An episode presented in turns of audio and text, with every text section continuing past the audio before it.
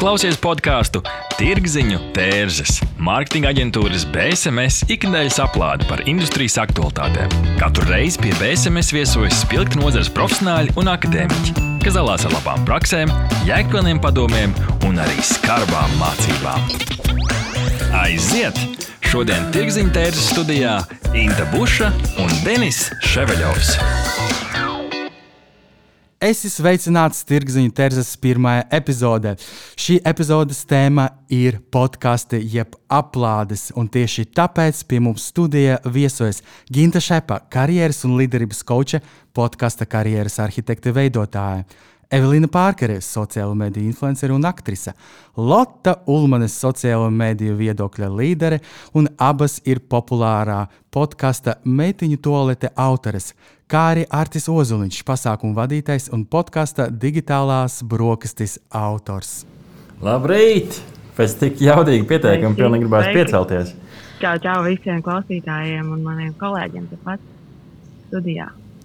Mums tiešām ir liels prieks šodien sagaidīt šādus ekspertus pie mums ciemos. Un jāsaka, ka mēs paši tiešām vēlējāmies arī radīt sakarīgu, profesionālu un dinamisku diskusiju par mārketinga, reklāmas un pārdošanas nozarē aktuāliem jautājumiem. Un tāpēc arī esam radījuši šo podkāstu Tirgziņu tērzes. Šī podkāstu ietvaros tad, uh, jūs dzirdēsiet aktualitātes nozarē, pieredzes stāstus, viedokļus un ļoti noteikti arī praktiskus ieteikumus. Un, uh, papildus uh, mums būs arī Norstat dati, kur tad gūsim tiešām arī vērtīgu ieskatu sabiedrības uzskatos. Un uh, pavisam noteikti, ja jums ir uh, kādas idejas savām tēmām, noteikti apmeklējiet mūsu mājaslapu.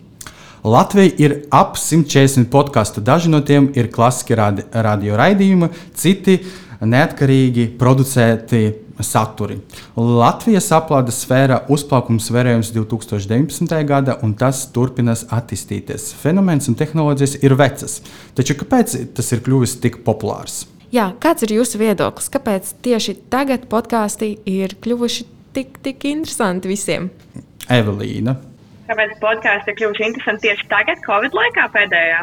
Es Jā. domāju, ka tāpēc, ka cilvēki vienkārši sēž mājās, viņiem nav īsti ko darīt, un tāpat viss notiek no mājām. Jā, agrāk podkāstu cilvēki izvēlējās klausīties, piemēram, braucot mašīnā vai dodoties uz darbu ceļā. Tad šobrīd viņi nezinu, kato māju vai, vai, vai iet vannā, un viņiem patīk, ar viņiem kāds komunicē. Jo viss, ko mums cilvēkiem patīk, ir socializēties savā veidā, un tas, ka cilvēki var savā mājās socializēties ar citiem cilvēkiem, vienkārši viņus klausoties savā veidā um, domājot par to, ka kaut kas mums saskan, kaut kas ir tieši tāpat kā viņiem. Uh, veidojas tāda veida kā aizslēgtā komunikācija, tā varētu teikt, bet tas ir svarīgi cilvēkiem vienkārši zināt, kas ir aktuāls un kas notiek.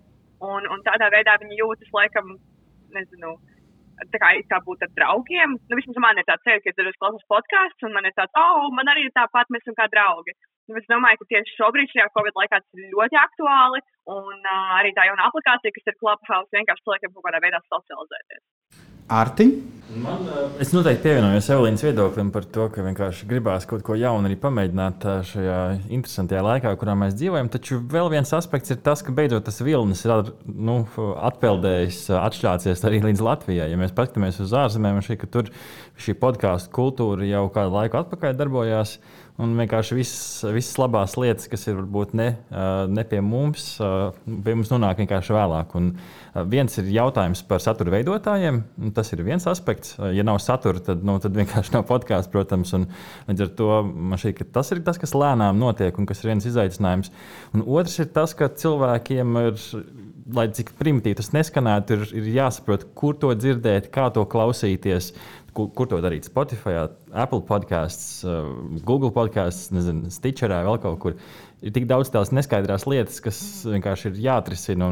Es domāju, ka tas, uh, tas beidzot ir atnācis pie mums. Un, un līdz ar to podkāstu kļūst populārāki. Ginta, kā, kā tev liekas? Es varu, jā, es varu piekrist gan, gan Evelīnai, gan Artim. Vēl ko papildināt, man liekas, ka tā iespēja katram kļūt, ja iesties tajā nu, nosacīt radio dīdžeja lomā, mm. viņi ir kļuvuši ļoti, ļoti pieejami. Nu, katrs, kurš, kuram ir interese un zina, kā izpētīt, kā, kā man izveidot savu podkāstu, un man ir ko teikt, to ir diezgan uh, viegli šobrīd. Tas, tas ļauj uzreiz piekļūt daudz nu, vairāk saturam. Jā. Tas attiec, tu vari aizsūt savai auditorijai, kam tu gribi savu ziņu nodot. Tas iespējas ļoti plašas. Lota? Jā, es, es arī, protams, visiem piekrītu, jo man šķiet, ka mēs apmēram nezinām, par ko mēs runājam, ne? bet es vēl vienu lietu, ko es vēlētos uh, piebilst, ir tas, ka uh, bieži vien cilvēkiem ir vai ne vizuālā atmiņa, un tad šeit mēs varam arī izvēlēties to ceļu uz audiālā atmiņu, kas ir uh, cilvēkiem, kuriem tiešām ir ļoti viegli uztvert informāciju dzirdot. Un, uh, un es domāju, ka tad arī ir ļoti viegli um, publiskot informāciju, kas varbūt ir noderīga cilvēkiem, nevis tikai uh, plikas sarunas, vai varbūt tās pat nebūtu plikas sarunas, bet nu, arī uh, ietver kaut kādu vajadzīgu informāciju, ko cilvēkiem vajadzētu dzirdēt. Un, uh, un vieglāk ir arī uzklausīt uh, šiem citiem cilvēkiem, kuriem ir tā uh, audioālā atmiņa, nevis vizuālā atmiņa. Jā, patiesībā šis ir ļoti interesants temats. Un patiesībā arī veidojot šo podkāstu, mēs dzirdējām ļoti dažādus viedokļus. Vairāk cilvēki arī saka, ka patiesībā podkāsts nav vispār nekas ne jauns. Šis jau esat zināms, trešais vilnis podkāstu popularitātei. Un patiesībā, kas ir ļoti interesanti, mēs jautājām Norstat. Um, ko tad, uh, vai vispār cilvēki zina, kas ir podkāsts? Un lielākā daļa, jeb 48%, norāda, ka drīzāk nezina vai noteikti nezina, kas ir podkāsts. Kamēr tikai nu, 44% atbild drīzāk jā un jā. Kā jūs komentētu šos datus? Man te jāpajautā, jāprecizē jautājums, uh, vai par vecuma grupām tur uh, tie dati ir, ir, ir skatīties. Mm, jā, jā. Tas ir tie 48%. Jā, pa vecuma grupām mēs arī varam uh, paskatīties. Tūlīt arī paskatīsim, kāds bija sadalījums, bet uh, Artiņš, es sapratu, jau ir kaut kāds komentārs par šo. Vien, viens arī varbūt. Varbūt tāds tā sīkums jautājums arī, kā tu prasi. Nu, podkāsts, aplāde, kas ir vēl augšup, augšuplāde. Man šķiet, ka Latvijā šobrīd jau tas termins vien jau daudziem nojauc galvu. Un, nezinu, tur uh, esmu dzirdējis uh, podlāde, arī nu, dažādi dīvaini nosaukumi vienkārši sarunām. Līdz ar to jautājums arī, kā tu to paprasti. Protams, man šķiet, ka podkāsts ir tas, ko vairums uztver. Um, bet uh, tas jau šeit vienkārši ir, ir, ir loģiski. Nu, ja podkāsts nav pie mums populāri, līdz ar to cilvēki mazāk par tiem dzird. Bet uh, tas ir tāds buzzword, kas, kas es domāju, tuvākajā laikā. Tas jau nebūs relevanti. Nu, kā, kas ir podkāsts drīzāk, ko tu klausies un cik bieži. Tieši jautājums izskanēja tā, vai tu zini, kas ir podkāsts, jeb aplāde. Tur bija abi um, termini pieminēti. Tad, protams, kā gadus jaunāki cilvēki, īpaši, kas dzīvo Rīgā, vairāk tas noteikti jāteica apmēram trešdaļa zināja, kas ir, kas ir aplāde. Un kā, kā Lotte, kā, kā, kā tev šķiet? Nu, es domāju, ka varbūt cilvēki nav dzirdējuši visu to terminoloģiju, un varbūt viņiem tas pats garām. Vai... Es nezinu, man ir ļoti grūti komentēt, jo mēs dzīvojam vienā burbulī, un citi cilvēki dzīvo citos burbuļos. Varbūt tas, kas ir mūsu burbulī, šķiet acīm redzams, bet citos burbuļos tas ir uh, kaut kas uh, nezināms. Um, bet man ir, uh, jā, man ir ļoti grūti komentēt tikai tādēļ, ka tieši tas mans burbulis ir zināms ar visiem podkastiem un uh, notiek. Uh, Tajā burbulī noteikti tās pašas sarunas, kā ko tu klausies, nevis kas ir podkāsts. Tāpēc arī man šķiet, uh, Uh, aplikācijā Spotify podkāsts jau ir cita sadaļa uh, no mūzikas, un tas ir vienkārši nu, diezgan tāds acīm redzams termins, bet tas ir varbūt manās acīs. Okay, tātad mūsu klausītājiem jāsaprot, ka daži mūsu viesi arī ir pieslēgušies mūsu aplādēji pastarpināti ar Zoom, tāpēc mēs dzirdējām tādu skaņu un esam nekas jauns. Nu, ir, uh, jā, un šo, šeit dabūju beidzot datus rokā, un tad tiešām tādā, ja mēs runājam par burbuļiem un gados jaunākiem, uh, Uh, Latvijas iedzīvotāji 57% teica, ka jā, uh, ka viņi zina, kas ir aplādē un vecuma grupa no 18 līdz 29, un, kā jau minēju, 33% rīznieku zina, kas ir aplādē. Bet, uh, protams, arī proporcionāli mēs varam redzēt, ka tie seniori nezina noteikti pārsvarā, kas ir aplāde. Un, uh, tas arī padomāja par tiem trīs viļņiem, tiešām cik uh, tā de, uh, tehnoloģijas demokratizācija vispār palīdz ievest jaunus formātus. Protams, podkāsts bija pieejams sen. Es domāju, ka pirms desmit gadiem, kad pirmo reizi mēs dzirdējām šo vārdu, un tad tie mobilo telefoni vieta tauriņi nebija tik izplatīti, un, lai tev noklausītos kaut kādu konkrētu uh, podkāstu, vajadzēja pirmkārt zināt, kur atrast to. Uh, protams, tas arī bija vairāk tāds elitārs un viss grozījies ap iTunes. Un, zinām, ka Apple te tehnika nav tik pieejama. Un uh, otrkārt, tev vajadzēja sēdēt mājas uh, pie interneta. Un tagad uh, vietāluņi tiešām ir katram gandrīz, un uh, interneta pieslēgums nav nemaz uh, kaut kāda luksuslieta. Un par samariem mazu naudu tu varētu dabūt bezlimīta pieslēgumu, un tad arī mēs redzam, ka tagad Latvijā ir 140 aplādes dažādas. Daži ir vairāk populārāki, citi nē. Bet mēs, mēs skatījāmies, ka viņi dzīvo. Tad, tad, daudz parādījās 19. gadā, bet arī pagājušajā gadā parādījās nu, vismaz kaut kādi 20 jauni, un katram ir vismaz 15 epizodes. Tas ir diezgan daudz, es domāju, vispār priekš uh, mūsu uh, tik nelielā nezinu, sabiedrības. sabiedrības. Tas tā. Um, okay. Tad, um, vai jūs uh, zināt, gribat zināt, kāpēc cilvēki klausās podkastus? Mums arī ir dati par šo. Kādas, kādas domas ir? Ginta, tev ir ļoti specifisks uh, podkāsts. Pastāsti, kā vispār tu esi nonākusi līdz tādai idejai, līdz karjeras arhitektiem. Nu, man liekas, pamatā bija tiešām ziņkāre pamēģināt pašai uztaisīt kaut ko. Es esmu pēc dabas tāds cilvēks. Pirms gadiem, kad parādījās chatbots, tad es uztaisīju savu chatbotu, un tagad ar podkāstiem domāju, nu, jāpamēģina man arī, kas tur ir pa tādu bāzi ap to. Un, um, bet, nu, tāds, kāpēc, ja tieši karjeras arhitekta ar tēmu, nu, man tā tēma pašai personīgi ir tuva, un man tiešām gribējās tādu uh, nišu atrast un dot saturu par konkrētu tēmu. Un, bet kāpēc cilvēki klausās? Man liekas, tie, tie motīvi katram interesi ir sava. Paklausījos arī vakar, zinot, ka mums saruna šodien paklausījos, kas ir Latvijas podkāstu teikt, top augšgalā, un tad var redzēt, nu, tur ir daļa tāda ar izklaides uh, virzienu. Tad man liekas, ka daļa cilvēku tiešām klausās podkāstus, nu, tāpēc, kad ir gribās kaut kādu izklaidi vienkārši dzirdēt Un, un ir daļa podkāstu, kur tu vari dabūt atbildes uz sevi interesējušiem jautājumiem par tēmu, kas tev aktuāli. Un es domāju, ka tie ir tādi galvenie motīvi, kāpēc cilvēki klausās podkāstus. Paldies, Ginte. Un tad jautājums arī meitiņu toaletes autoriem. Jūs abas, gan Lotte, gan Evelīna, sociālajos tīklos esat tik sen un tikai pavisam pagājušajā gadā jūs saņēmat veidot savu podkāstu. Kāpēc jums liekas, kāpēc jūs klausāties uh, jūsu auditorijā? Man liekas, ka pirmkārt, iemesls, kāpēc mēs izveidojām podkāstu, bija vēl viens veids, kā mēs varam komunicēt ar saviem sekotājiem. Un iespējams, jūs pamanījāt to, ka mēs YouTube mazāk liekam video un tam līdzīgi, tāpēc, ka tā platforma savā ziņā ir, neteiksim, tā noieta, bet viņi skatās mazāk.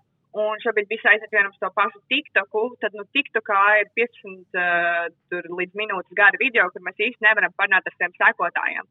Un agrāk bija populāri vis kaut kādi mītāpi un tam līdzīgi, kur mēs varējām satikties. Protams, šobrīd pandēmijas laikā satikšanās pie brīvības pieminiekta nav īsti iespējama. Uh, epizode, tāpēc mēs sākām taisīt podkāstu, kas savā veidā ir pirmām kārtām mēs domājam, ka mums patīk komunicēt savā starpā un dalīties ar dažādu, dažādu mūsu viedokli. Un otrkārt, vienkārši savā veidā tu jūti tā, it kā tev vēl joprojām ir ļoti labs kontakts ar saviem sekotājiem, nepazaudē ar viņiem uh, to draudzību, jo draudzība, draudzība ir jākopja, un šā, šajā situācijā mēs arī kopjam kā, savā veidā draudzību. Kāpēc cilvēki klausās? Es domāju, tas pats iemesls, ko es minēju iepriekš, tāpēc, ka cilvēki, nu, viņiem gribas ar kādu parunāties, un mums arī gribas ar kādu parunāties, un tad mēs tā runājamies. Ir kā attālināti, bet ir kā kopā. Varbūt tā Lata ir ko piebilst. Lata? Uh, nu jā, es domāju, ka principā tas, uh, es nevaru pateikt neko jaunu, man es domāju, ka cilvēkiem tiešām patīk izjust to tuvību, uh, ka viņiem ir kāds cilvēks, ar ko parunāties, tas pats, ko Evelīna teica, tas pats, par ko mēs, un, uh, un platforma, kur mēs varējām runāt vairāk, un mēs varējām negriezt ārā kaut kādas konkrētas lietas, ko mēs teikt, mēs varējām um, bezmazliet tas nav aizkadros, bet tas ir tiešām kāds mēs esam īstajā dzīvē. Un savā veidā cilvēkiem ļoti, ļoti patika redzēt to, uh, kādas mēs neesam uh, apstrādātas un samontētas vai kaut kā tā, tādā ziņā. Jā. Autentiskums, tas tas tāds buzzword vispār visam saturam, ka cilvēki grib redzēt, klausīties, lasīt patiesus tekstus, nevis kaut ko piekoptu. Paldies, un Arti, kāpēc tava auditorija klausās digitālu brokastīm? Man šķiet, ka digitālās brokastis eh, pats par sevi, tie, kas nezina, tas ir eh, tāds ikdienas tehnoloģiju ziņu raidījums. Eh, es šeit laikam pārstāvu tādu wannabe podkāstu segmentu. Jo es pats nāku no radio vidas, sāku darboties radio navā. Paralēli sapratām, ka nu, radio nav tikai Rīgas apkārtnē dzirdama, vajadzētu sasniegt plašāku auditoriju. Nu, aizgājām uz podkāstu formātu, nogriežot no mūziku, nu, pietušajot sākumu un beigas, nu, un tad top ķipa podkāsts. Man šķiet, ka tādi naturālisti podkāsteri varētu lamāties uz mani. Esam arī saņēmuši pāris komentārus, kas tad jūs par podkāstu. Tāds radio raidījums, kas izgriezts. Bet nu, te ir tāds filozofiskāks jautājums, kas vispār ir podkāsts un kas ir radio. Man šeit tas ir praktiski viens un tas pats, ja izņem ārā šo muzikālo daļu. Bet kāpēc cilvēki klausās digitālās brokastis? Uh, Digitālās brokastis, manuprāt, ir uh, ziņu apkopojums cilvēkiem, kuriem uh, vienkārši nav laiks ikdienā iet cauri dažādiem portāliem. Es to izdaru priekš viņiem praktiski. Es izēju cauri, paskatos no Latvijas perspektīvas, kas ir interesanti, kas pie mums notiek, un salieku uz tādu subjektīvu, objektīvo ziņu top 10.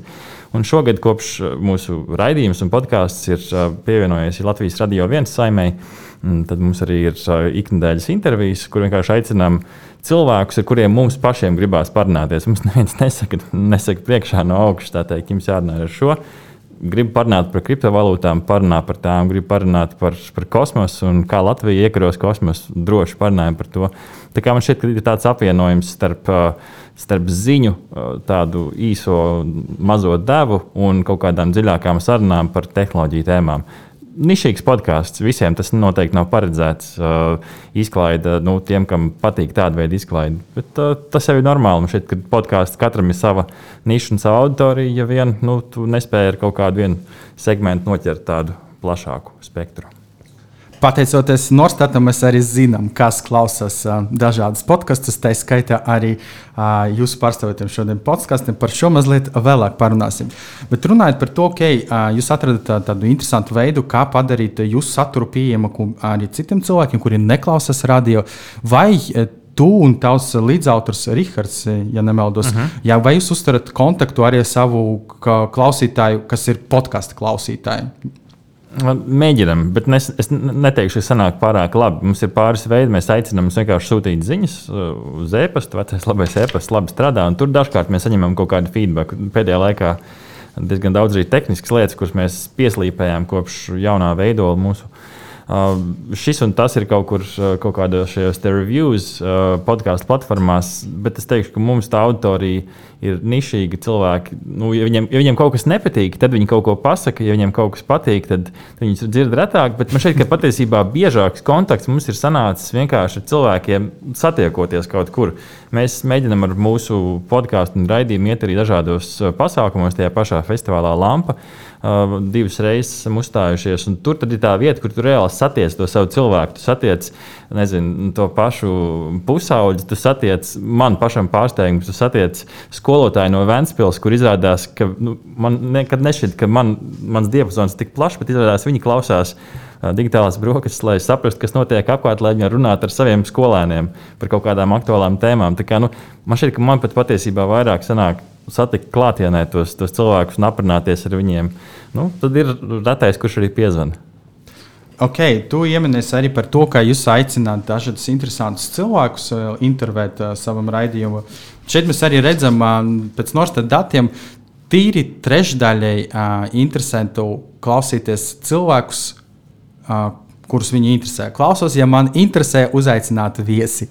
Un tas ir īpaši svarīgi uh, grupai vecumā no 30 līdz 30 gadiem, uh, 39 gadiem, 45%. Tas ir padoms arī jums, ja gribētu, uz, ja jūs tādā auditorijā klausās, tad uh, ļoti noderīgi būtu izpētīt, kad, uh, kas tas, uh, tas hot topic, hot cilvēks, kas viņu interesē, un aicināt viņus ciemos tā, ap, aptvert lielāku auditoriju. Un runājot par izklaidi, protams, kā 52% teica, ka tie ir izklaidējuši, un tāpēc mēs arī klausāmies podkastus, jeb aplādes. Īpaši tas ir, protams, populārs vecuma grupā no 18 līdz 29%. 63% var teikt, droši gan arī divas trešdaļas jauniešu klausās, jo viņi grib izklaidēties. Jep. Um, okay, mums arī ir citi interesanti varbūt, dati, novērojumi, kas uh, varētu būt arī vairāk uz tiem profesionāliem, nišīgiem uh, uh, saturiem, podkastiem. Cilvēki vēlas um, uzzināt aktualitātes, un tas ir īpaši uh, svarīgi tādai uh, vecākai auditorijai. Uh, U, taču jaunieši arī vēlas kaut ko iemācīties, kaut ko jaunu, un tieši tāpēc 35% no viņiem klausās podkastus. Ko var iemācīties uh, meitiņu toalētē, meitenes? Mēs dažreiz mēģinām ietvert kaut kādu ne tik ļoti teikšu, zinātnisko, bet gudro pusi. Es domāju, ka mūsu podkāsts pārstrāde ir balstīts uz to, ka mēs runājam arī par aktuālām lietām, ne tikai mūsu dzīvēm, bet arī tas, kas noticis pēdējā mēneša laikā. Bet mēs laikam to runājam vairāk sociālo tīklu ietvaros, teiksim, kas ir jauns noticis sociālajos tīklos, kas ir jauns noticis nedaudz ārpus sociālajiem tīkliem. Varbūt mēs gluži nesāksim runāt par Mendelēvu tabulu vai ko tam līdzīgu. bet, um, bet, bet, bet, jā, mums ir bijis tā, ka mēs vienam arī pirmajā epizodē, manuprāt, mēs uh, runājam par to, ka mēs esam kārtīgas un nekārtīgas, un tad mēs uh, pievienojām arī to, mm, teiksim, tā zinātnisko pusi un parunājām par uh, OCDs kā slimību un to, kāds izpaužās cilvēkiem. Un tā kā mēģinam nedaudz ietvert arī to gudro pusi, lai nav tā, ka viņi vienkārši klausās tukšs tukš sarunas uh, starp divām meitenēm, bet arī kaut ko no tā reāli iegūst. Paldies! Kinta, mums arī ir zināms, ka 28% vecuma grupu miliņāļu starp 30 un 39 uh, klausās podkastus, jo tie noder profesionālā sfērā. Kāda ir tava auditorija?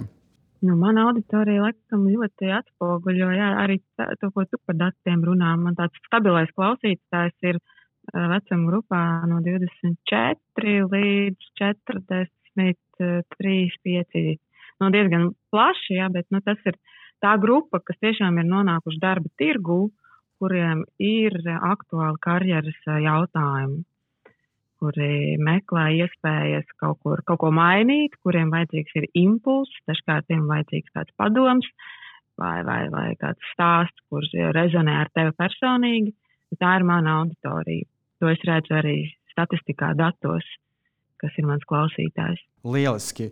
Nu, tad arī nākamais jautājums. Vai jūs paši klausāties podkastus un kādi tie ir? Ko klausās paši podkāstu veidotāji? Arti. Ah, es, es tieši tagad varu vaļā savu um, lietotni skatos, ko es klausos. Patiesībā gadu laikā ir savācies diezgan daudz. Es varbūt es nezinu, vai jāk minēt konkrētus nosaukumus, bet te ir pāris tādas, tādas segmenti, ko es klausos. Viens ir šie te, uh, radio podkāsti. Uh, tur man ir tas pats Latvijas radio viens krustpunktā un, un kursors LV, uh, kas ir nu, viņa Star FM šis ieraksts ielikts, uh, ielikts podkāstu formātā, līdzīgi arī kā mēs darām. Uh, Tad ir uh, kaut kādi izaugsmes podkāsti. Uh, nu, no Latvijas uh, puses man šeit stāv diena pēc. Kristofers Petersons, kurš runā ar dažādiem interesantiem cilvēkiem arī par uzstāšanās mākslu. Nu, no ārzemniekiem Gary V. podkāsts, cilvēks, influenceris, uzņēmējdarbības mašīna. Tad ir pāris tehnoloģiju podkāstu no ārzemēm, tas pats The Verge, Decoder, kas vienkārši ir tāds, nu, kas aptver to globālo daudz vairāk. Un tad mans, mana īpatnība šeit ir tāda, ka es, es patiesībā podkāstu sāku klausīties. Uh, Sava viena vaļasprieka dēļ. Es iespējams esmu retais Latvijā, kurš fano par tādu lietu kā profesionālais wrestling, kas ir tāda izklaides un šova elementi. Uh, un viņiem podkāsti ir vienkārši nu, tik daudz un tik atstrādāti, ka es sāku klausīties tāpēc. Un tā es nonācu līdz, līdz citiem podkāstiem, bet tas, kas man vienkārši, kāpēc arī tik daudz šo podkāstu, tas nav tā, ka es visas epizodes klausos no visiem. Man kaut kāds tas, nu, profesionāls izaugsmas vēlme, un es patiesībā no viņiem nebaidos špikot un ņemt dažādas lietas. Nezinu, tas pats Gary V. nesen ierosināja, kāpēc podkāstā ir taisni garas sērijas un tik daudz jautājumu. Kad beidzot kāds uztaisīs podkāstu, kur ir vienkārši viens jautājums, tiklīdz vairs nav par ko runāt, paldies, beidzam sarunu. Nu, 5-10 minūtes burvīgas sērijas man šeit tiem, kuriem ir dažādi šie te, nu, nezinu, dzīvē ir nekārtība, tad viņi var noklausīties vienu īsu epizodi, visi viņi jūtās, ka viņi ir izdarījuši, ielikt ķeks un visu forši. Varbūt arī var darīt tā, ka ņemt kaut kādu konkrētu grāmatu no self-help literatūras, iekompresēt desmit minūtes, un rekur vēl viena ideja par podkāstiem. Ko klausās jaunieši, ko klausās Gen Z Lota? Man laikam, es tagad arī skatos, ko es tur esmu klausījies. Man uh, dominē visvairāk tādi podkāsti, kur tiek runāts uh, par kaut kādiem stāstiem, uh, vai tiek stāstīts kaut kāds stāsts, no kuriem es arī varētu kaut ko paņemt un, uh, un saprast, kā es labāk gribētu, ko es darītu tajā situācijā, vai, vai, vai vienkārši interesantas lietas, ko es varētu pastāstīt tālāk. Um, Protams, arī man visu kaut kādi ir mindset uh, lietas, lai es sāktu dienu ļoti, ļoti labi un lai es justos pati labi. Uh, Tāpat arī man ir humors, dominē, bet, bet es teiktu, ah, un tad vēl viena, vēl viena tā teikt, nodaļa uh, ir arī par startupiem un biznesu un tādām lietām. Tā kā es teiktu, ka man, man ir viss kaut kas no viss kaut kā. Un, un, un, jā, un tas ir arī patiesībā, ko es gribētu arī ielikt mūsu podkāstā. Tā kā viss kaut kas no viss kaut kā kopīgi. Tā laikam būtu mana atbildība. Evelīna, tu saki, tu, ka tu esi aktrise. Varbūt tu arī klausies kaut kādus specifiskus podkastus profesionālā jomā. Man īstenībā nav viens podkāsts, kas klausos par izklaides jomā un tam līdzīgi. Man ir īstenībā tikai divi podkāsti, ko es klausos, un vēl viens, ko es tā kā, nu, ja man ir ļoti garlaicīgi tas paklausos. Um, es klausos, um, ir tāds podkāsts Mindset Mentor, un viņam ir īsts epizodes, kaut kur 20 minūtes. Um, ļoti patīk, kā viņš runā. Viņš īsti kodolīgi pasaka, un tāds arī nu, man patīk tas self-help. Uh, Tie tādi veidi podkāsti, tāpēc, ka, kā Lotte minēja, tu iestādi labu dienu ar to. Man patīk no rīta to noklausīties. Un no otrs podkāsts, ko es visu podkāstu noklausījos, praktiski visas epizodes, ir saucās Startup. Un tas ir uh, puisis, kurš stāsta par savu biznesu un kā viņš uzsāka biznesu. Viņš ierakstīja visu biznesa sarunas ar investoriem un tam līdzīgi super interesanti. Un tad viņš vēlāk arī intervēja citus uzņēmumus un uzņēmējdarbības, un tāds uzņēmējdarbības podkāsts. Un tad tas, ko es klausos, kad nu, man tiešām nu, gribās kaut ko paklausīties, un ir brīvāks laiks, tad man patīk, um, kāds lapiski true crime, kā um, par, uh, par tā teikt, kā, teikt, nu, par uh, dažādiem Detektīvu stāsti. Detektīvu nu, stāsti. Jā, detektīvi. Paldies, Lācis. Paldies. Dažādiem detektīviem un situācijām, kas notikušas uh, par dažādiem cilvēkiem, kuri vairs nav ar mums. Um, jā. Ginta, ko klausies tu? Es arī esmu atvērts un skatos. Jā, man arī ir tematiski, man ir viena tēma par startupiem, par startup ekosistēmu un uh, uzņēmumiem, kas ir no startupiem izauguši par lieliem veiksmīgiem. Tur tās kultūras lietas un līderības lietas patīk klausīties. Um, tad man ļoti patīk Timam Ferrisam, viņam ir Tim Ferris šovs un Tribe of Mentors. Tas ir man tāds uh, mīļš, un tad ir dažādi jā, ar biznesa topikiem, tur Harvard Business Review, uh, Life and Work, tādas tēmas. Un no vietējiem, no vietējiem man patīk muša. Viņiem gan tur šobrīd ir trīs vai četras epizodes, bet uh, ļoti interesanti stāsti. Un uh, pieturzīmes, jā, Aigā Veckalnē arī es paklausos. Tā ir man tāda podkāstu, man izlasa. Jā, tad jāsaka, ka mēs tiešām varbūt dzīvojam savos burbuļos, katrs tas ir viennozīmīgi. Bet mēs iepriekš arī noskaidrojām, ka tomēr liela daļa neklausās podkāstus. Mani gan interesē, vai jūs varbūt kādā brīdī domājāt padarīt savu saturu internacionālu un, pieņemsim, nezinu, izplatīt krievu vai angļu valodās, vai, kāds, vai kādam bija tāda ideja? Jā, ja neviens neceļ rokas, nu, pilnīgi noteikti tāda doma ir bijusi. Jo nu, runāt par tehnoloģijām, tas tiešām ir mums tā auditorija ir tiešām neliela. Nu, tīpaši, ja mēs samazinām uz latviešu valodu, mums, mums nav tā, ka, ir, eh, ka mēs gāžam apkārt. Pilnīgi noteikti nē. Līdz ar to nu, dabisks kaut kāds izaugsmes potenciāls ar to visu uh, paņemt ar pasaules spektru. Bet, nu, tad, tad ir praktiski būtu jāmaina arī raidījuma būtība, jo mēs mēģinām arī pastāstīt par to, ka šeit Latvijā ir interesants, un tad vienkārši pazust kaut kāda daļa, jo, nu, kuram gan uh, ASV rietumu krastā interesē, kāda startup te Latvijā ir uzplaukuši. Vai arī uh, vai arī nezinu, kā, kādi jauni izgudrojumi pie mums šeit ir. Kā, tas, tas ir tāds viens loģisks veids, kā, kā augt, bet jautājums ir, kā nepazaudēt to, nu, to savu kaut kādu to savu sakni, to savu patiesumu, jo negribās arī nu, pilnībā pazaudēt to latviešu auditoriju tikai tāpēc, lai kāds cits mūs dzirdētu. Mani mēģināja izaicināt, jo gribēju ieteikt, domāt par, par saturu angļu valodā, bet es sapratu, ka man tas tiešām ierobežotu arī dabūt sarunu biedrus, jo nu, cik, cik tā gatavība ja runāt un, un tā, nu, par tādiem ļoti personīgiem arī jautājumiem un cik brīvi mēs uh, varam izteikties uh, savā domā, svešvalodā. Tā kā es paliku pie, pie lokālā tirgus, pie latviešu valodas. Jā, tad jāsaka, ka patiesībā mēs šo jautājām arī cilvēkiem, sabiedrībai, jāsaka, ka lielākā daļa saka, ka viņus tomēr apmierina piedāvājums latviešu valodā. 41% saka jā, un drīzāk jā, tad pilnīgi ok. Uh, mazāk 26% saka, neesmu apmierināts ar uh, podkāstu saturu latviešu valodā, gribētu uh, vairāk vai varbūt starptautiski, un noteikti nē. 34% saka īsti nezinu. Ok, paldies!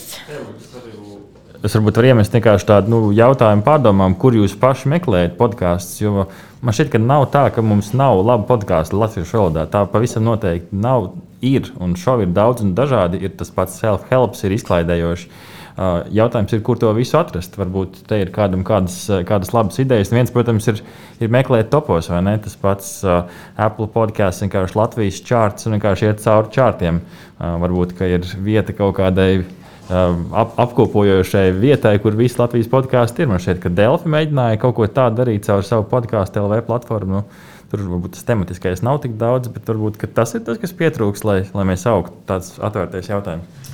Par to, dom... mēs, par to mēs arī tūlīt parunāsim.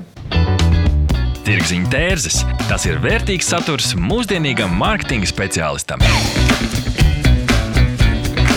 Neatbildēti jautājumi, sarežģīti lēmumi. Sazinies ar Norstat, mēs palīdzēsim. Norstat tas ir daudz draudzīgs servis, inovatīvi risinājumi un kvalitatīvi dati, lai tu varētu pieņemt veiksmīgus, datus balstītus lēmumus pievienojas vairāk nekā simts Latvijas uzņēmumiem, kas uzticas vadošajiem datu risinājumu nodrošinātājiem zemeļ Eiropā. Mūsu mērķis ir atvieglot tavu dzīvi un ļaut pieņemt pareizus lēmumus. Norstat vērtīgi dati svarīgiem lēmumiem. Norstat.lv Jā, nu, tiešām neskatoties uz to, ka mums Latvijā to podkāstu ir diezgan daudz, manuprāt, 140 ir diezgan, diezgan ok skaitlis. Jāsaka, ka tomēr reti kurš ir Spotify vai Apple topos. Un, uh, mēs esam noskaidrojuši, ka Latvijā populārākie podkāsti ir numur viens ir Pāļa bazars. 21% saka, ka viņi klausās, pēc tam seko sporta centrs, 15%, uh, satori, 100 tonnas kultūras, un tad arī citi, kā starp, starp mums meitenēm, pakluso, digitālās brokastis, meiteņu toaletes un citi. Kas, jūsuprāt, atšķir veiksmīgu podkāstu no netik veiksmīga? Un varbūt cik liela nozīme ir nišai? Zin, kā, tas viss ir gāmas jautājums es būšu atklāts, es gatavojoties šai intervijai, paklausījos uh, pāris no podkāstiem, kas ir šajā topā. Bija podkāsti, nu, es nedrīkstu šeit lamāties, es nelamāšos. Bija podkāsti, kurus nesapratu, kāpēc cilvēki kaut ko šādu klausās. Bet nu, te, ir tā, te ir tiešām tas gaumas jautājums, jo iespējams šo podkāstu cilvēku paklausīsies man raidījumā, teiks, nu, kurš vispār kaut ko tādu klausās. Līdz ar to man šķiet, ka tas ir, tas ir tāds gaumas jautājums. Nu, tā kā, nezinu, kā pārējiem. Es absolūti piekrītu. Man liekas, tā veiksme ir tik subjektīva, nu, kas raksturo veiksmīgs podkāsts vai neveiksmīgs. Nu, ja, ja tev ir tavs klausītājs, kas tev klausās, nu, tu vari to teikt, ka jā, veiksmīgs es esmu. Man liekas, ja tu atrodi to, to, to kas trāpa tā tava klausītāja, tā teikt, sirdī un prātā, ja, un tajā, kas viņu šobrīd interesē, viss ir izdevies. Arti. Un jautājums arī, ko tu nodefinē? Kāpēc tu vispār pats taisi podkāstu? Tas ir jautājums, uz ko tev ir jāatbild. Uh, vai tu to dari paša prieka pēc, vai tev vienkārši gribās socializēties? Tu gribi pelnīt, tu gribi kļūt ļoti slavens, tu gribi celt kaut kādu savu profesionālo kompetenci un parādīt, nezinu, profesionālā nozarē, ka nu, mēs spējam runāt arī par to, ko mēs darām. Ir ļoti daudz dažādu motivātoru. Līdz ar to katrs pats priekš sevis šo te var izvērtēt vai mēs šeit Latvijā varēsim nu, teikt, lielīties ar, ar cipariem. Dažiem podkāstiem sanāk, man šķiet, un sanāk, tāpēc, ka viņi runā par tādām tēmām, kas ir visaptvarošas un dara to izklaidējoši. Nu, izklaidēt tas, ko cilvēkiem vajag, pasmieties perfekti, ja vēl kaut ko var vērtīgi dabūt, ideāli. Vai mēs varēsim Latvijā ar cipariem lielīties kādreiz un teikt, jā, veiksmīgs ir tas, kuram tur ir tik un tik. Man šķiet, ka vismaz pagaidām, cik es esmu skatījies arī šos Apple, Apple charts, kur nu, mēģinām arī, protams, kāpt paši, bet tur tā svaidīšanās starp, starp pirmo un kaut kādu 50. vietu tur katru nedēļu mainās. Līdz ar to man šķiet, ka katrs pats jau nodefinē to savu veiksmes faktoru. Tieši par šo arī gribētu pajautāt uh, Lotu un arī Evelīnu, kad jūs nākat klājā ar savu pirmo epizodi jūs bijat čartos diezgan ilgi, uh, pirmā vietā. Kā, kāds, kā, kādi komentāri par šo varētu būt? Ja, nu kā, es iemetīšu savu vīriešu skatu punktu. Vīriešiem vienmēr interesē, ko tās meitenes tajā stoltēs dara tik ilgi. Runājot arī par to tēmu, mums tiešām arī sa, sadalīti datumi un runa, runājot par Norsat pētījumu, tad skatos, kā um, meiteņu tole te tā Pagaidiet, padom, ir jās. Okay, 3% no tiem, kas klausās aplādes, klausās arī meitiņu toleti. Es domāju, ka tas ir panākums, un mēs arī apmēram varētu saprast, kāda, zinot, cik jūs klausās vispār cilvēki, kāda ir tā kopējā auditorija, ko mēs varam procentu, skaitliski absolūts ciparas sasniegt. Un, protams, ka jūsu aplāde ir populārākā vecuma grupā 18 līdz 29, 4% klausās. Tad vecākā auditorija no 30 līdz 39, 2%, un no 40 līdz 49 ir 3%. Laikam te ir tie uh, vecāki, kuri gribētu zināt, ko tas bērni klausās. Tā, un sadalot pa proc procentuāli, protams, mēs redzam, ka 2% jūsu auditorijas ir vīrieši. Tas, tas tā, nē, ne divi. Jā, Tas tā. ok, uh, Evelīna. Nu, es domāju, ka loģiski mūsu skatās klausās mazāk, mazāka vecuma auditorija. Un, ja jūs aptaujā, teiksim, tā lielākā daļa pateica nē, tad tie noteikti arī nebūs mūsu mērķa auditorija. Tāpēc, ka mūsu mērķa auditorija tiešām, kāds pateica, ir tikai no tiem 18, bet teikt no 15 līdz kaut kādiem 30.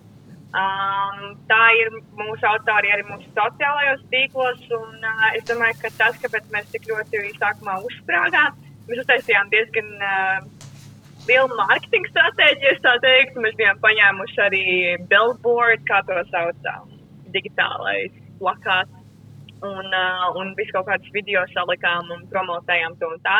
Ja mums bija diezgan, diezgan liela mārketinga stratēģija sākumā, un tāpēc, domāju, mēs arī uh, bijām tajos šādos pirmajā vietā. Un tad tagad mēs paņēmām to pauzi. Mums bija desmit epizodes, tagad mums pauze, tad mēs drīzumā atgriezīsimies ar otro sezonu un tad uh, gan jau atkal izdevās kaut ko interesantu. Jā, tieši tāds. Vai cipari vispār ir svārīgi un kādi ir tie cipari? Kā jūs saprotat, vai jūsu epizode ir sanākusi labi vai nē? Kā mērat? Ginta. Nu, cipari, nu, cipari vienmēr ir svarīgi un interesanti. Ja tur tu ieraugi, vai tev klausās vai nē. Man liekas, ka nu, viens ir, jā, cik ir klausījumi, Un vēl viens rādījums, ko Spotify analītikā ļoti labi var redzēt, ir, uh, cik, cik ilgi tavs klausītājs epizodu klausās, kurā brīdī viņš lec nost. Un tad tu vari priekš sevis analizēt, ja nu, to saturu, saturu tādu kvalitāti, ja, kas tur varbūt nebija tik veiksmīga, kur, kur pazūd tā uzmanība. Un tā ir viena, viena, viena, viena dati, ja, kam es arī pievēršu uzmanību, skatos, analizēju kas to epizodi. Kur ir tie, tie brīdi, ka, kad cilvēki lietas nost? Ko tu, ko tu pamanīji? Tas, ļoti, tas ir ļoti dažādi. Tas ir atkarīgs no epizodes uz epizodi. Tas ļoti tiešām saistīts ar saturu. Man šķiet, ka tas, ko, tas, ko var novilkt, ir, nu, ja tu prasi kaut kādu līniju, nu, kopumā, jo, ja epizode ir garlaicīga, nav kurš to taisa, tad nu, loģiski noliks. Bet Man šķiet, ka viens tāds konceptuālāks jautājums ir par to kopējo podkāstu garumu. Nu, es, es pats priekš sevis esmu, esmu novilcis, ka, nu, ja es klausos kaut ko vairāk par stundu, tam ir jābūt nu, tiešām mega aizraujošam par manu tēmu. Es, vairāk, es pats vairāk izbaudu podkāstu, kas ir līdz pusstundai, bet tas, tas ir kaut kāds tāds personisks, vienkārši no mans skatu punkts, vai arī jūs esat novērojuši, ka ir kaut kāds garums, kurā jūs mēģināt ar saviem podkāstiem iekļauties. Nē, man arī man tā stunda ir nu, maksimums. Es pati pēc sevis zinu, ka man stunda ir maksimums, ko es varu noturēt uzmanību. Arī tad jau ir jābūt nu, kaut kam ļoti, ļoti saistošam. Es abrīnoju, piemēram, Joe Rogan jā, šovus, kas ir tur vairāk stundu garumā. Es uh, nesaprotu, kā to iespējams nu, tik ilgi noturēt uzmanību. Bet, nu, tad es, uh, es esmu eksperimentējis ar to garumu no stundas līdz pusstundai. Man liekas, tāds mans, manu epizodu zelta garums ir apmēram 45, 40 minūtēm. Ļoti labi. Paturpinām šo satura jautājumu. Kā jūs, prāt, vispār var iesaistīt auditoriju tā, lai tiešām tā stunda vai 40 minūtes ir interesanta, dinamisks, tiešām pavadīts laiks? Um, jā, man, man šķiet, ka te ir pāris, pāris lietas, kuras vienkārši var paņemt no uzstāšanās un prezentācijām. Un, un, un no, no šī segmenta. Nu, tas viens zelta likums, ko arī nezinu, tas pats uh, Apple prezentācijās, ko viņi izmanto, ka viņi mēģina pamainīt uh, dinamiku un to sajūtu, ko redz uz skatuves. To viņi dara dažādos veidos. Nomainot runātāju, papētīsiet, tad, uh, nu, ja viens prezentē jaunāko iPhone, tad otrs prezentē Apple Watch. Nekad nav tā, ka viens stāsta par visu. Tas ir viens. Ir jānomaina šī dinamika un jāsadala vairākās daļās. Mm, otrs aspekts, un te par to Joe Rogan aspektu, kāpēc cilvēki klausās tik ilgi, jo viņi runā, nu, tas, līdz kam nonāca Joe Rogan, viņš ir tik populārs un tik uh, karsts temats, ka vienkārši pie viņa parādīties, tas ir stilīgi. Līdzīgi kā man šeit vienā brīdī pie Dombūra bija, ja tu, uh, ja tu vari aizsūtīt savu, nezinu, PR klientu pie Dombūra un viņš netiek, tā teikt, nu, piekārts ozolā, nu, tad tā ir kru, kruta lieta. Uh, un man ka personības ir tas, kas spēj izvilkt to. Un trešais ir šeit, uh, tēma un tematika. Nu, ja man interesē self-help, un es gribu kļūt par 5AM kluba biedru, un man interesē, kāda reāli cilvēki spēj piecelties 5 no rīta, tad es iespējams arī noklausīšos vairāk par stundu garu epizodi. Jā, un runājot par noformējumu, tas ir vēl viens jautājums, vai podkastam obligāti jābūt video formātam, piemēram, vai YouTube. Kā jums liekas? Mums nav. Man arī nav. mēs, mēs esam nesen iesākuši, lai pārāk nepūstu pats savu taurīti. Mēs eh, šogad profesionāli ar Latvijas radio viens atbalstu sākām veidot arī video formātu.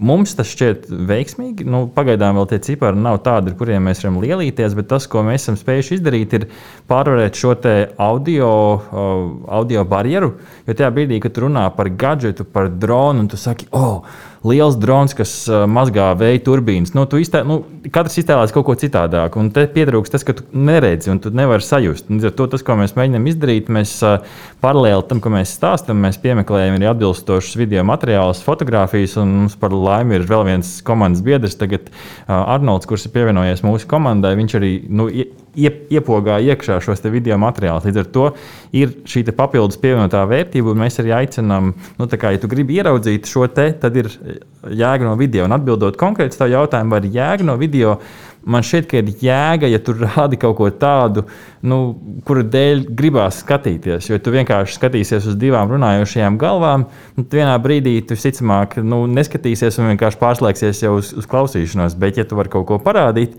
vai arī nu, pāļu bazāra kontekstā, ja tu vari paskatīties, kā baigts sipnieks izskatās, ka viņi ir pēc desmitā šota, nu, tad ir jēga, jēga arī skatīties uh, un taisīt šo video. Um, okay. Tiesa, jā, ok. Nu, pirms mēs no, uh, pāriesim uz uh, pēdējo mūsu uh, bloku, tad es gribētu arī pajautāt, kur vispār pastāv jūsu aplādes, vai ir kaut kāda starpība starp tiem distribūcijas kanāliem. Es tieši runāju par, par podkāstiem, Spotify un citām lietām. Ko es lietētu? Nu, man ir uh, Apple podkāsts, Spotify, Google podkāsts un principā uh, Nu, šis ir top 3, no kurienes arī mani klausītāji klausās manu podkāstu.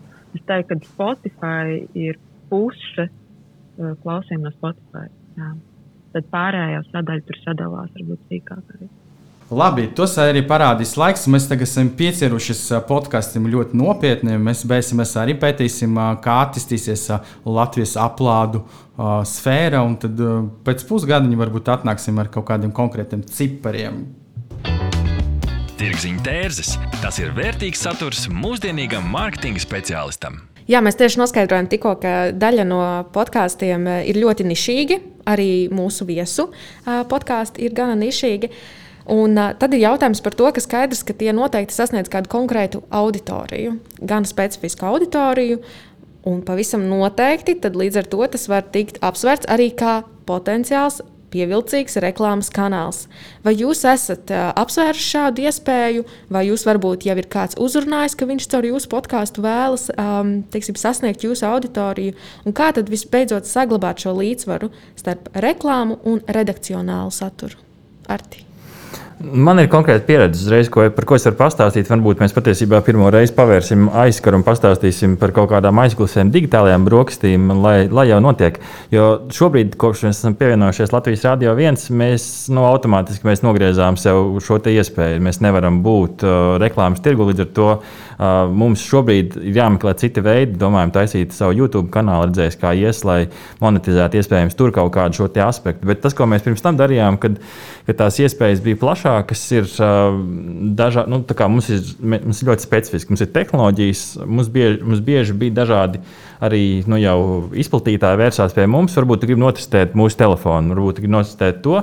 Nu, vienā brīdī ir forši testēt, jo tu paver savus apgāršus plašāk vienā brīdī, nu, kā, okay, kāpēc es to daru? Un, no otras puses, nu, arī savā ziņā sniedz šo reklāmu. Līdz ar to tā pieeja, ko mēs izmantojām, mēs sniedzām apskatus.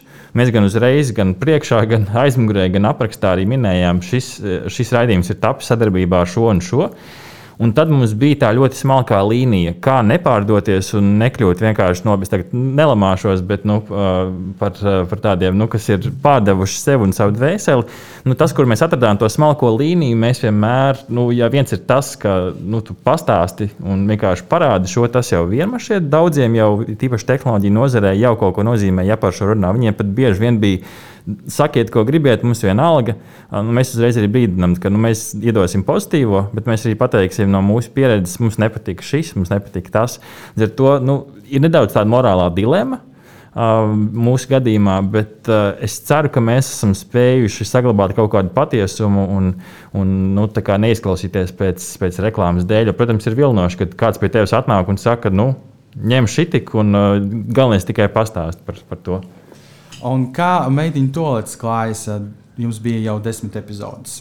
Nu, es teiktu, mēs, protams, esam domājuši par šo, bet, bet arī, bet arī es, es pilnībā piekrītu, ir tā, tāda dilemma par to, vai tas ir, nu, kā to iekļaut, vai tas nebūtu, vai tā neizklausīsies, neizklausīsies pēc pārdošanas pārāk daudz, un ņemot vērā, ka mēs paši esam sociālo tīklu um,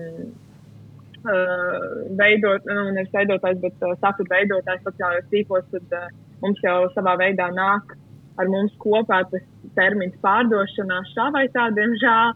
Um, bet uh, pašlaik tas ir uz visas jautājumus. Izdevuši tā teikt, tam podkastam, jo mēs esam izdevuši gan visu savu sirdi un vēstuli, gan arī nedaudz um, nu, līdzekļus, naudas līdzekļus. Um, bet, um, bet jā, nu, tas būs nākamais jautājums. Un, uh, viņam viss būs kārtībā ar to. Mums ir arī dati, kuri palīdzētu jūs, uh, jums pārliecināt, varbūt iespējams, reklāmas devējs, ka tas arī strādā. Uh, mēs pajautājām, vai ir gadījis tā, ka pēc epizodes noklausīšanas podkāsts jūs iedvesmoja kādai rīcībai, un 39% teica, ka jā. Tas ir tiešām diezgan uh, motivējuši, strādājuši. Un, Ginta, kā tu redzi reklāmu tirgu tādas nišīgas profesionālas podkastos?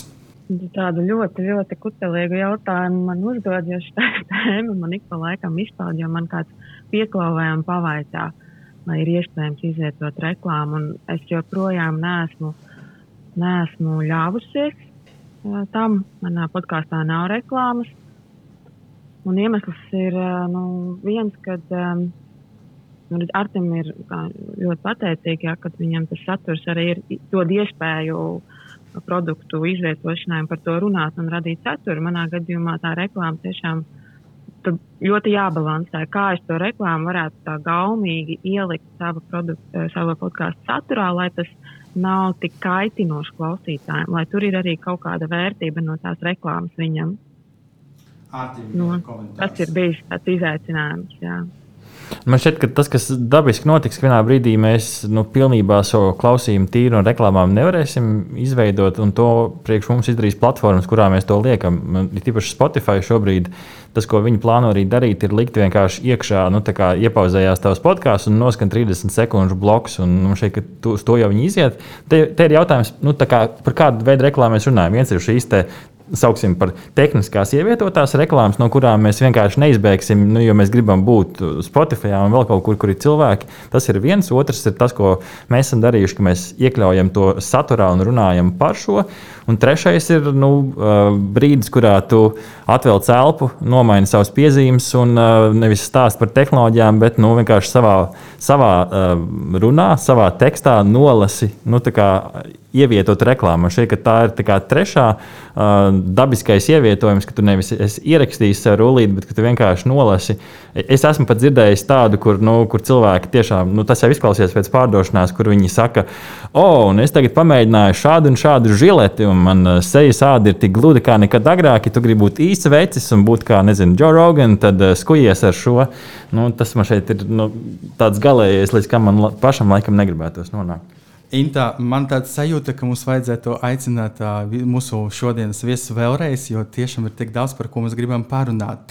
Bet mums arī bija mērķis uh, mēģināt ierakstīties uh, zem stundas, un es gribētu jau tagad uh, apkopot mūsu sarunu šodien. Uh, tad, tad, uh, kādas ir tās galvenās atziņas? Uh, varbūt um, uh, Evelīna, pirms tu dosies tālāk. Galvenais atziņas par šodienas sarunu. Jā, Tas, kā noteikti ir ļoti liela cilvēku daļa, kas vēl nezina, kas ir podkāsti. Un tas, kā pasaulē podkāsti ir pirms desmit gadiem no sērijas, tad Latvijā tas ienāca tikai tagad. Um, es domāju, ka nāks klajā vēl vairāk podkāstu, tāpēc, ka ir šāda situācija valstī un tas ir aktuāli. Uh, to, cik veiksmīgi vai neveiksmīgi tie būs, es domāju, noteiks kopumā niša. Un uh, iespējams cilvēku popularitāti jau pirms šī podkāstu izveides. Mm, tāds, laikam, pēdējais, jebkurš to var darīt un sāciet šodien. paldies, um, Evelīna. Ginta. À, nu, mans tāds secinājums, ar ko es aizēju, ir dzirdot arī to statistiku, man liekas, ka Latvijā, jā, bišķi vēlāk ir atnācis podkāsts, bet uh, tur ir vēl potenciāls. Tur vēl ir potenciāls uh, aizsniegt auditoriju un vēl atrast nišas, kur, par ko runāt ja, un, un, un radīt to saturu. Lota. Jā, es domāju, ka tika ļoti labi viss jau izskaidrots iepriekš, bet nu, varbūt vienīgais, ko es varētu piebilst, ir to, ka um, uh, pēc šīs sarunas man arī izveidojās tāda lielāka iz, nevis izpratne par, uh, nu, jā, iespējams arī izpratne par to, ko citi cilvēki domā par podkastiem. Un uh, ņemot vērā, ka mēs visu laiku esam tajā, nu, es atkal minēšu to vārdu burbulī, tad, uh, tad šeit bija iespēja arī citos burbuļos pārliekt un citu podkastu. Um, um, citu podkāstu vadītāju uh, viedokļus, viedokļus uzklausīt. Paldies, un Nāti, pavisam īsi. Um, Kopējais secinājums par podkāstiem - neceriet, ka jūs uzreiz sasniegsiet uh, to kalnu augšu un to virsot. Mēs ar uh, Rahādu šo darām nu, vienā vai otrā veidā jau piekto gadu, un mēs tikai uz trešo vai ceturto gadu izjutām tādu reālu atdevi, un ka pie mums jau pamanījumi pie mums nāca. Tā kā uh, noteikti ir jāpamēģina, uh, neskatieties uz tiem eklēriņiem, iekodieties viņos, uh, un ar uh, otro, trešo vai ceturto gadu viss būs ok. Tas ir tikai laika jautājums. Ja jūs saturs ir labs, tad viss notiks. Šodien jūs bijāt kopā ar Tirgziņu tērzes podkāstu. Un uh, veidojam visu kopā tad, uh, no BSMS komandas. Un BSMS tas ir zīmola, pārdošanas un mārketinga atbalsts. BSMS nodrošina radošas, tradicionālas un digitālas pārdošanas veicināšanas kampaņas un arī konsultācijas. Ja interesē, apmeklē mājaslapu bsms.lv un uzzini vairāk. Studija bija Ginta Šepa, karjeras un līderības koče podkāsta karjeras arhitekte veidotāja, Evelīna Pārkere, sociālo mediju influencere un aktrise, Lotte Ulmane, sociālo mediju viedokļa līdere. Abas ir populāra podkāstu meitiņu tolas autores, un kā arī Artis Ozoliņš, pasākumu vadītājs un podkāsta digitālais brokastis autors. Paldies, ka klausījāties BSMS podkāstu Tirziņu tērzes. Aplādi ar labām praktiskām, jēgpilniem padomiem un skarbām mācībām. Patika epizode? Dalies sociālajos medijos, ir idejas tēmām vai viesiem? Raksti mums! Tās bija Tirziņu tērzes. Tiekamies nākamnedēļ!